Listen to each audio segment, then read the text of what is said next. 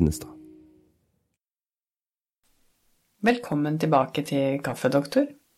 Og i dag fortsetter vi med å snakke om depresjon I det fine sommerværet. på sommerkontoret. Eh, Vi snakket jo sist gang om eh, forskjellige symptomer på depresjon. Um, og i dag skal vi snakke om hvordan man behandler det. Og da er det jo flere veier til mål. Det er det. For det første så tenker jeg at depresjon kan skyldes mye forskjellig. Det er jo Det kan skyldes Nå har jeg lyst til å bruke begrepene eksogene og endogene faktorer. Det kan du få lov til hvis du bare forklarer hva Ja, det betyr. Da skal jeg forklare hva det betyr. For eksogene faktorer er jo på en måte det som er utenfor oss selv. Eh, hendelser, dødsfall, skilsmisser. Ikke det at jeg ikke er inni oss selv, på en måte, men, men eh, det er jo mer hendelser i livet som fører til at vi em, kan bli nedstemte, og at det kan føre til en depresjon. Ja, for da må man også skille mellom det at eh, um, noe er en naturlig reaksjon på noe, og at det kan sånn vedvare utover det vi tenker er naturlig. For det er jo naturlig å bli lei seg hvis man mister noen, f.eks. Ja, så det er jo en, eh, det er naturlig med en sorgprosess, og det er jo ikke det samme som å være deprimert. Nei, så det er når det, kanskje sorgprosessen f.eks. vedvarer, og man ikke kommer ut av den, det er da vi snakker om en depresjon. Ja. Og så snakker vi om endogen depresjon, og da antar man at det i større grad skyldes faktorer inni kroppen. At det er f.eks. Um, eh, hvordan det kan være medfødt, tror man. At eh, reseptorene reagerer på nevrotransmittere på en annen måte. Er ikke det en eh, måte å se det på? Jo, og da kan det skyldes genetiske ting, f.eks. arvelighet for depresjon eller bipolar lidelse, eller at det er ting ved mennesket i seg selv som gjør at man har en sårbarhet, da, tenker jeg, for å utvikle Ja. en depresjon. Og det er vel ganske uklart dette med eh, depresjon og arvelighet, men jeg har skjønt at man har vel tydelige tegn når det gjelder bipolar lidelse på arvelighet, men det er ikke like tydelig på depresjon. Jeg tror det, det er en arvelighet der også, men den er ikke like høy. Da. Det er ikke like stor arvelighet på sånn det som man sier er unipolar depresjon, hvor du bare har depresjon og ikke mani, som det det er på uh, bipolar lidelse. Nettopp. Uh, jeg tenker jo da at ehm, Kan vi bare si én ting til? mm, Eh, For det er også viktig, selv om det er høy arvelighet, så betyr ikke det at man har kjempehøy sjanse for å få eh, sykdommer. Uh, Det syns jeg på en måte er det viktig å understreke, for det er jo mange som går rundt og blir veldig engstelige når de hører at noe har høy ar- arvelighet. Men vi vet jo også at det at du har høy arvelighet betyr Eller at man har en uh, disposisjon for noe, uh, i seg selv ikke nødvendigvis gjør at sykdommer utløses. Da er det ofte flere ting som skal til. Så kan du si noen er kanskje så utsatt at det ikke skal så mye til, mens for andre så skal det mer til. Så det er ikke sånn grunn til å få panikk nei. eh, bare fordi man eh, er i, i slekt med noen som har en alvorlig psykisk lidelse, og kanskje har sett litt hva det innebærer, da. Vi maler ikke fanden på veggen. Det syns jeg er fryktelig viktig ikke å gjøre. Men um, Så da har vi jo et slags bilde på hva endogen og eksogen depresjon er. Uh, og det er jo aldri svart-hvitt, så det er jo elementer av kanskje begge deler hos de fleste, jeg vet ikke. Men, men i hvert fall hvis man har en eh, overveiende grad av endogen depresjon, altså at man ikke finner noen sånne spesielle årsaker, eh, ytre årsaker til at man er nedstemt, så eh, Eh, nå kommer jeg med sånn allmennpraktikertilnærming igjen, som er sånn jeg har en følelse av at, og min erfaring er at. Men eh, min erfaring er at antidepressiva, altså medisinene, kanskje har en litt større plass hos de pasientene som har eh, en overveiende endogen depresjon. Mens når det er eh, man er nedstemt over tid pga. tap av en nær person, f.eks., så er ikke min erfaring at medisiner i like stor grad hjelper. Er du enig i det? Eh, Jeg tenker at du kan ha et poeng der. Um, Og jeg tenker at eh, har du en mild til moderat depresjon, så tenker jeg at uh, da er det god grunn til å prøve andre ting. Også fordi det handler litt om å mestre det å ha depressive symptomer. Og så vet du at hvis du har hatt depresjon én gang, så har du også kanskje en tendens til å få det en annen gang. Så det å kunne mestre det og de symptomene på egen hånd, tenker jeg jo er en styrke og gir deg en trygghet. Og det er noe med medisiner de er veldig bra å ha noen ganger, men tenke på dem som en krykke. Og at det at du selv kan gjøre noen ting, jobbe med dine egne tankemønstre, uh, tenker jeg er en enda bedre krykke. Da. Det er mer et verktøy i verktøykassa enn kun noe å lene seg på. Jeg snakker egentlig ofte med pasientene mine som har gjennomgått en depresjon, om um, dette med hvordan de ser på seg selv, om de opplever seg selv som styrket eller um, mer sårbare og svake. Og fordi en depresjon kan jo føre til en sånn opplevelse av sårbarhet, samtidig som tenker jeg det å ha gjennomgått det og kommet ut av det på den andre siden, gir jo også en veldig styrke. Og mm, når jeg har snakket med mine pasienter om det, så syns jeg mange, de fleste, opplever egentlig mer altså Det er jo et blandingsbilde, men at de opplever mer det der følelsen av at 'dette har jeg fiksa før'. Jeg ja. kom meg gjennom det, og jeg, dette klarer jeg igjen. Så de føler på en måte en mestring øh, over depresjonssymptomene sine, da. Ja, det og, tror jeg. og litt sånn kanskje større kontroll over egen tilstand. Ja. Mm. De har lært hva de skal gjøre for å komme videre. Og hvordan, Så vi skal ta den typen behandling først, da, for det er jo kanskje handler om samtaleterapi eller uh, andre typer terapier som er ikke-medikamentelle. Hva har vi å velge mellom? Det som brukes mest i allmennpraksis, er jo eh, kognitiv tilnærming. Altså, eller Jeg skal ikke eh, påberope meg at jeg er en kognitiv terapeut, men, eh, men eh, for det krever jo et eget kurs. Toårig, er det ikke det? Jo, for å bli godkjent av Norsk Kognitiv Forening. Men jeg tenker jo at uh, mange driver kognitiv terapi, uh, i hvert fall for depresjon, og spesielt i allmennpraksis, kanskje uten å ha hatt et toårig kurs. Ja, og det er jo mange kurs man kan gå, så det er klart at elementer fra kognitiv terapi brukes jo masse i allmennpraksis. Um, og det er jo det første jeg tenker er naturlig å snakke med pasienten om. Man snakker ofte om depressive briller, det at du på en måte er som hvis du tenker deg liksom brillene dine som helt At du har farget dem sorte, da, så du ikke greier å se ut, og så har du liksom bare lagd en sånn bitte liten runding på hvert brilleglass, og så greier du så vidt å skimte litt av verden gjennom det, og det er litt grått.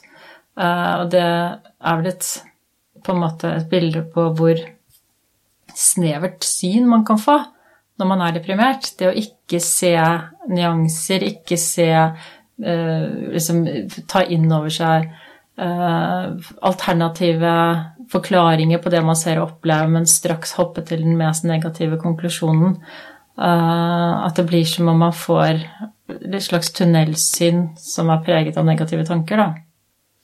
Ja, og det er vel egentlig det vi kaller automatiserte negative tanker, ikke sant? At det blir et mønster at man Hvis man uh, går inn i et rom med mange mennesker, og de ser på deg, så vil en deprimert person ofte tenke 'Å nei, de ser på meg fordi jeg ser rar ut i dag'. Ja, Du blir sånn veldig selvfokusert. Ja. Mens en som er full av overskudd, enten ikke tenker over det, eller kanskje til og med tenker at 'Å, ser jeg så bra ut i dag'? ja. så det er helt motsatt oppfattelse av egentlig akkurat den samme situasjonen. Ja. Sånn at det det å hjelpe pasienter til å bevisstgjøre seg sånne automatiserte tanker er jo en viktig del av den kognitive terapien, egentlig. Og så finne alternative tankemønstre. Ja. Jeg snakker ofte om uh, i hvert fall det som gjør det enkelt i hodet mitt å tenke på sånne automatiserte tanker, er at jeg ser for meg dem som sånne små bekker i hodet. Og så tenker jeg at bekker uh, vil jo følge et mønster uh, der hvor vannet lettest kommer frem. Og sånn tenker jeg også på tankemønstre. Hvis man har tenkt en tanke mange nok ganger eh, De ser på meg fordi jeg er rar, de ser på meg fordi jeg er rar. Så vil det vannet følge den bekken og det sporet helt til man gjør et krafttak for å få den over i en annen retning. Det var et veldig fint uh, bilde. Jeg syns i hvert fall det, er, det gjør det litt sånn lettforståelig, mm. føler jeg. Uh, og for meg så gir det på en måte mening, for jeg tror Jeg tror jo at eh, det er litt det som skjer òg, at tanker er jo impulser i hjernen. Eh, og vi vet jo at impulser som går mellom nerveceller, styrkes hvis de gjentas. På samme måte som man kan eh, bli kjempegod til å spille et pianostykke. Du ser hvordan fingrene farer over tangentene til en som kan dette. Det er jo innøvd og innøvd og innøvd. Og tanker også er jo innøvde eh, nervebaner. Og sånn sett så er det jo litt sånn fake it till you make it når det gjelder å jobbe med denne typen problematikk, da. At sånn det er vanskelig å begynne å tenke annerledes og begynne å ta inn over seg andre forklaringsmodeller, men du er rett og slett bare nødt til å øve og øve, øve helt til det sitter. Mm. Og noen ganger så er det vanskelig å gjøre det alene, og noen ganger så trenger du fastlegen din, eller du kan trenge å henvises til DPS. Ja. Men jeg har også litt lyst til å faktisk uh, slå et slag for uh, kognitiv.no sin hjemmeside for de som uh, hører på. For der er det utrolig mye også sånn selvhjelpstips, og også noe om hvordan man kan Eller hvor man kan henvende seg for å få råd og veiledning. Og videoer og det ene med det andre. Så det er en veldig fin side, rett og slett, å gå til.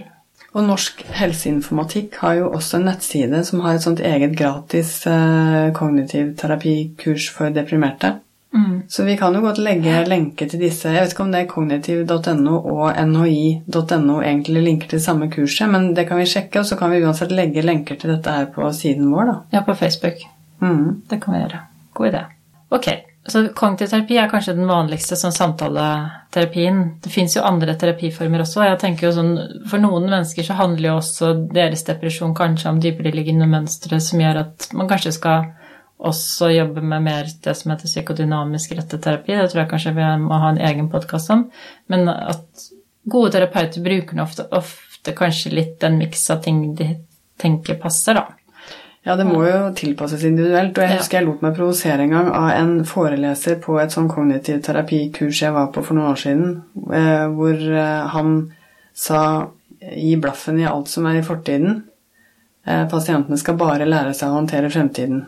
Det tror jeg ikke noe på. Nei, det syns jeg, og da sa jeg dette tror jeg ikke noe på.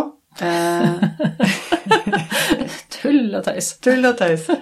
Sånn at jeg tenker jo at um, det er klart, tilbake til den freudianske måten å gjøre på, å prate og prate og prate om fortid. Det er ikke det nødvendigvis tror er noen løsning, men hvis man ikke slipper pasienten til med å si noe om hva de selv opplever har gjort dem deprimerte, eller hva som gnager dem fra fortiden, så tror jeg man virkelig ikke kommer noen vei. Men der er vel kognitiv terapi, sånn som jeg kan det, har jo muligheten til å ta det inn over seg, så jeg tenker at det er kanskje litt avhengig av eh, terapeuten, holdt jeg på å si. Jeg er helt enig med deg. Også viktig at vi nevner um, fysisk aktivitet og trening, for det er jo absolutt anbefalt um, når man sliter med depresjon. Uh, og her vil jeg også henvise til kognitiv.no, faktisk, for de har noen gode uh, tekster om det. Uh, men generelt så handler det jo om å komme i aktivitet, at man vet gjennom flere studier at det har en positiv effekt, særlig på milde, moderate depresjoner. Eh, og at noen også kan føle at det å komme i aktivitet, eh, eller det å trene, er liksom en utrolig stor utfordring. Eh, og da kan det jo kanskje mentalt sett være bedre å tenke på at man skal være aktiv, så man ikke føler liksom presset. For blir presset for stort, så kan jo det i seg selv gjøre at man ikke egentlig kommer i gang. Men det å også sette opp en aktivitetsdagbok hvor du planlegger hva du skal gjøre i uka, og gjerne få med deg en hjelper uh, hvis du er deprimert, det tror jeg er en veldig, veldig god idé.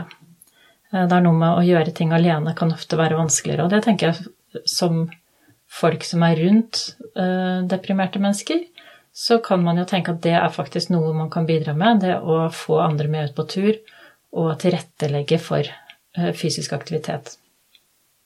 Men det er andre typer, for da har vi tatt samtaleterapi, andre typer behandling. Altså må vi, jo, vi må jo innom antidepressiva også, medisinene. Må vel nesten det. Det fins jo ulike grupper antidepressiva, eh, men de som er Eller det er ikke kanskje, det har minst bivirkninger. Mm. Det er jo selektive serotonin-reopptakhemmere.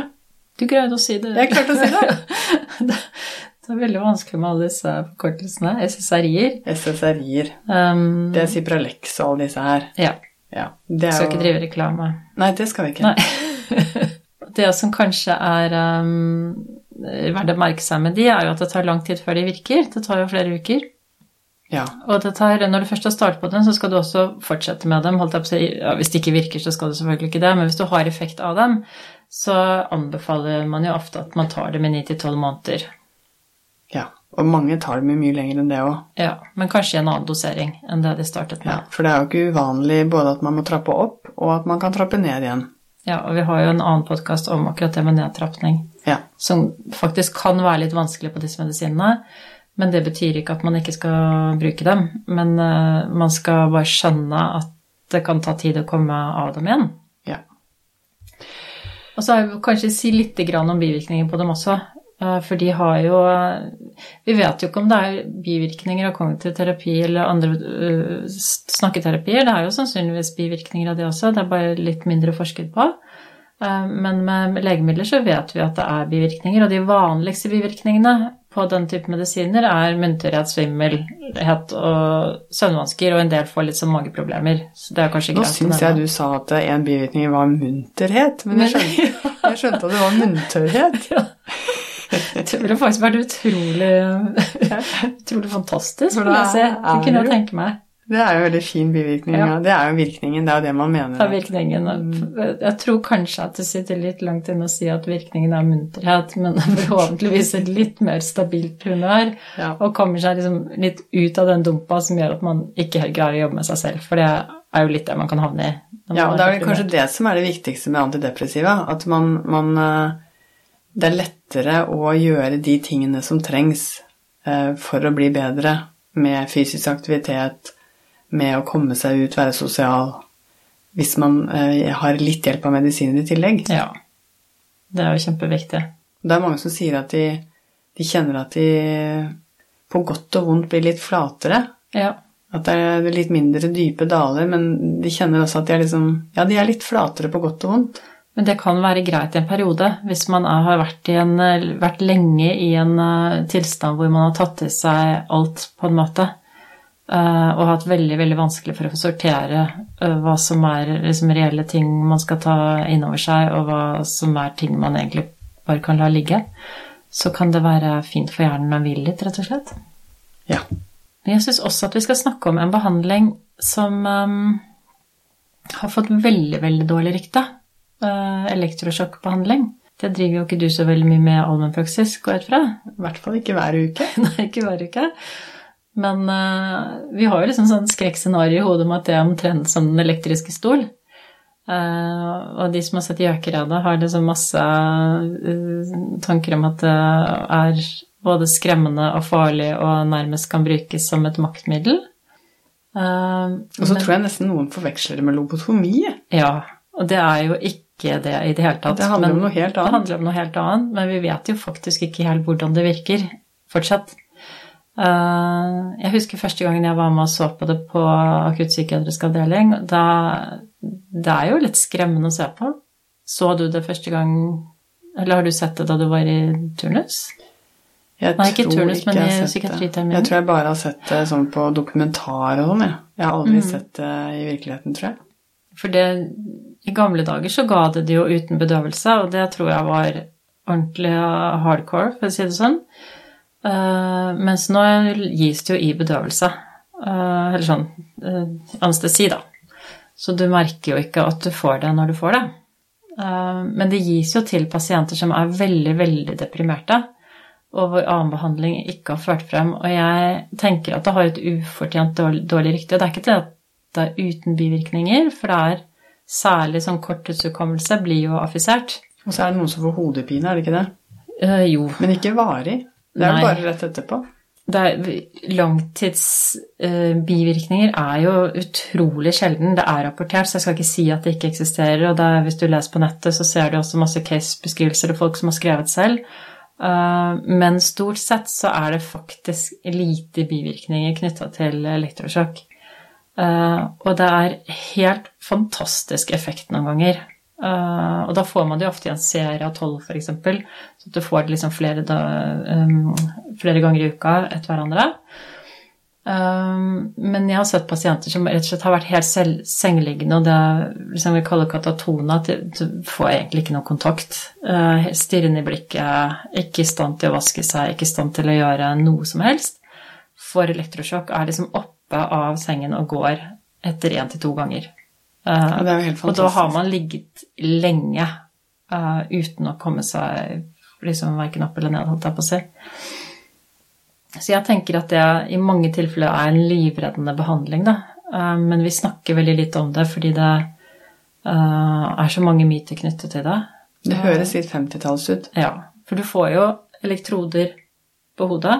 Så gir man jo strøm igjennom. Så du fremkaller et epileptisk anfall, eller sånn det ligner på et epileptisk anfall. Uh, og det er Man kramper jo. Altså, det ser jo Det ser jo ekkelt ut, på en måte.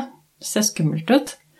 Uh, så man kramper veldig kortvarig, og så blir man jo vekket igjen da, fra anestesien. Så det er jo en ganske kort prosedyre. Det tar jo ikke noe lang tid. Men det er eh, svenskeknappen? Hvilken knapp?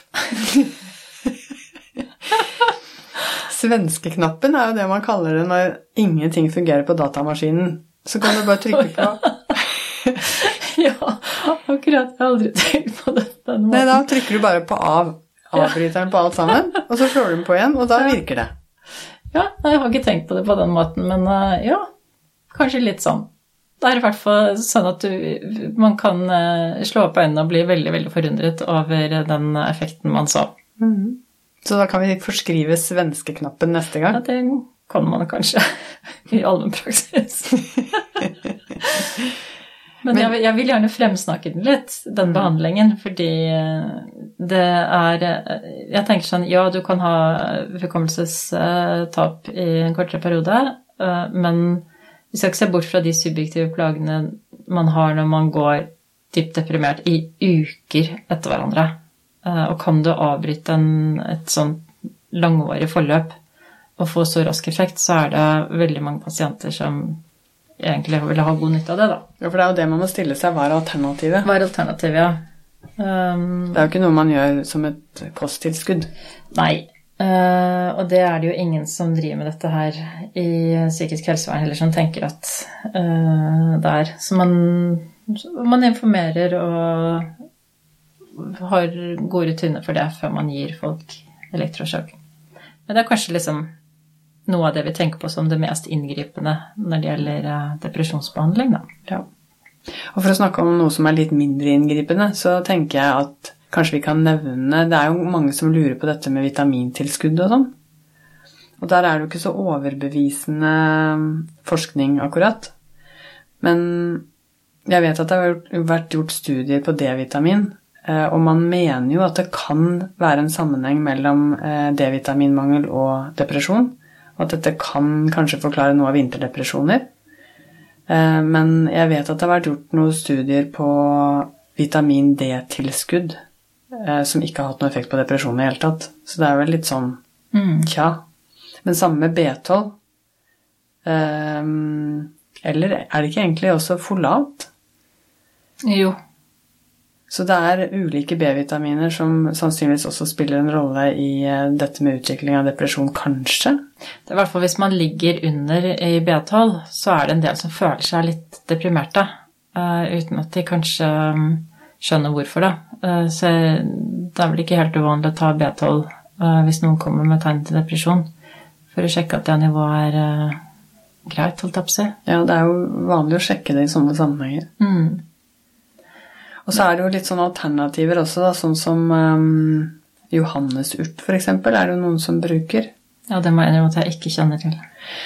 Nei, jeg har ikke Jeg kan ikke akkurat påberope meg noe mye erfaring der heller, men uh, jeg tror det er lite brukt fordi at det interagerer med ganske mange andre medisiner og sånn. Ja, det kan få andre medisiner til å liksom hope seg opp i kroppen, så hvis du tar johannesurt, så skal du være veldig oppmerksom på at du kan få en overdosering av uh, andre medikamenter du tar, da. Så sånn sett så er det kanskje noe vi holder oss litt unna. Men egentlig så burde vi jo spørre pasienten til om de tar det, fordi det har jo en betydning for eh, de andre medisinene vi skriver ut. Ja. Men skal vi ta den eh, hva du kalte det, gulroten i pølsa? Rosin i pølsa. Rosinen i pølsa. Ja, sånn at det- Siden det er sommer, så Ja, tenkte vi at vi kunne ha en, eh, et ekstra tips, da. Mm. Og det Kanskje det er litt tilbake til det med svenskeknappen. For det handler om eh, kalde bad. Og nå er det jo sommer, så nå er jo ikke badene så kalde. Eh, I hvert fall ikke i Oslofjorden. Men eh, det er noen studier som viser at det å bade i kaldt vann to-tre ganger i uka kan ha en veldig god effekt på, på depresjon. Det er en uh, brite som eh, heter eh, Mark Harper, som er lege og forsker, og som har eh, eh, Han har vel ikke noen store studier, men jeg vet i hvert fall at han fulgte en dame som var eh, ganske sånn behandlingsresistent, eh, og som hadde vært deprimert fra hun var i 16-årsalderen. Og han eh, rådet henne til å bade i Jeg tror det var sånn 12-13 grader sånn i England. Eh, sånn ca. tre ganger i uka. Og hun ble så mye bedre. Og Hun slutta vel med medisiner, hun, hun sluttet med medisiner. ja, som hun egentlig ikke hadde hatt så mye effekt av likevel, så det var Ja. kanskje ikke så dumt. Nei, og så vet man vel ikke akkurat hva som er hele forklaringen bak, men noe handler vel om rett og slett endorfinfrigjøring. At man blir Man får en veldig sånn velværefølelse av å ha badet i kaldt vann. Eh, etterpå, vel å merke, eller? Ja, ja. Det er kanskje litt avhengig av personen som bader, jeg vil si etterpå for Ja. egen del. Ja. Men det de tenker seg, er vel også at det med kaldt Det å dyppe seg selv ned i kaldt vann uh, utløser en stressrespons hos oss som gjør at vi får uh, fysiologiske og hormonelle endringer. Uh, og så har man tenkt seg um, Fordi det virker inn på liksom hjerteraten, du, hjertet slår fortere, og blodtrykket stiger, og du, pusten uh, holder på sånn, liksom. Uh, og det utløser stresshormoner. Og så har man sett at sånn, hvis man gjør dette flere ganger, så får du mindre og mindre respons. Det er vel derfor folk kan bade. Vinterbade. For du syns jo ikke det er like forferdelig. Når du snakker med folk som vinterbader, så sier du at det er kjempedeilig. Nei da, det er ikke så kaldt og sånn. Det tror vi ikke noe på. Nei, vi tror ikke helt på det, da. Men eh, det er det du sier. Og ut ifra det som står om disse, disse som har begynt å forske på det, så tenker de seg at eh, de faktisk ikke bare lyver, da, men at det faktisk er riktig. De opplever en lavere stressrespons. eh, Og det skal ikke så mange bad til, så mange dypp til før du har det sånn. Og så tenker man at det handler om noe som heter cross adaptation. Um, altså en type stress uh, adopter, adapterer kroppen for annen type stress. Så man tenker seg sånn, ok, hvis kroppen din har vært vant til å reagere sånn på stress, så kanskje den greier å dempe stressnivået også i forhold til andre stress, annet stress du er utsatt for, da. Og så kan man vel tenke seg um, Det er jo veldig mange sykdomsbilder eller symptombilder som jeg tenker skriver seg fra kronisk stress, og hvor eh, kroppen ikke klarer lenger å finne A-knappen. Mm. Eh, hvor man henger seg opp i en sånn kronisk stressrespons som er farlig for ganske mye. Mm. Og man kan vel tenke seg at et kaldt bad hjelper deg til å finne den av-knappen. Tror du ikke det? Det er vel egentlig det du beskriver nå? Mm, jeg tenker at det er litt det som skjer. eh, Og de har jo faktisk også gjort noe lignende forsøk som heller ikke er liksom ferdigforska, holdt jeg på å si. Det er litt sånn eh, kanskje mer anekdotisk, men kan henge litt sammen med det samme når det gjelder migrene, som jeg er litt opptatt av. eh, Hvor det også har sett sånn mye, eller sånn stor reduksjon av migreneanfall og mye mindre intense anfall hos personer som har begynt med sånn vinterbading. Det er veldig interessant. Ja, så det kan jo hende vi alle sammen burde vinterbade, rett og slett. Og det som er veldig, Ikke hjertepasientene.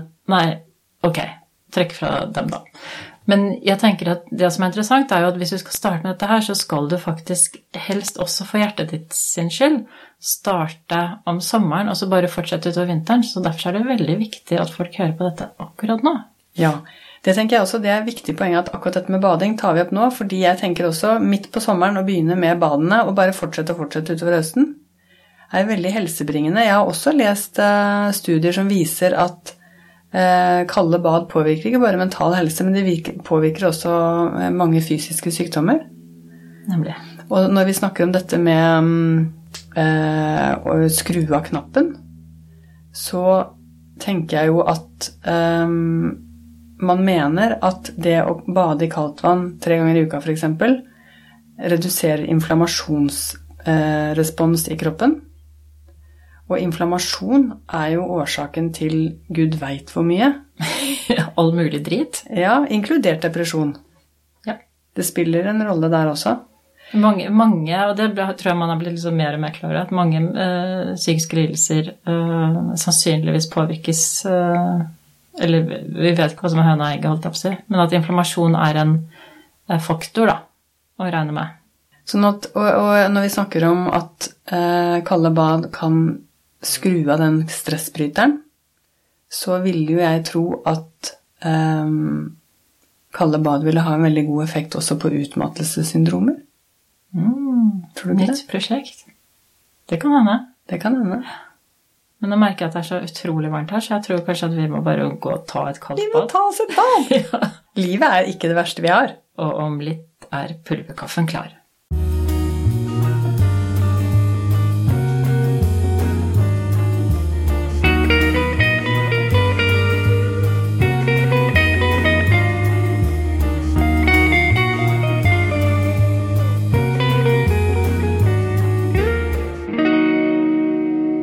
Kaffedoktor med Rom og Linnestad.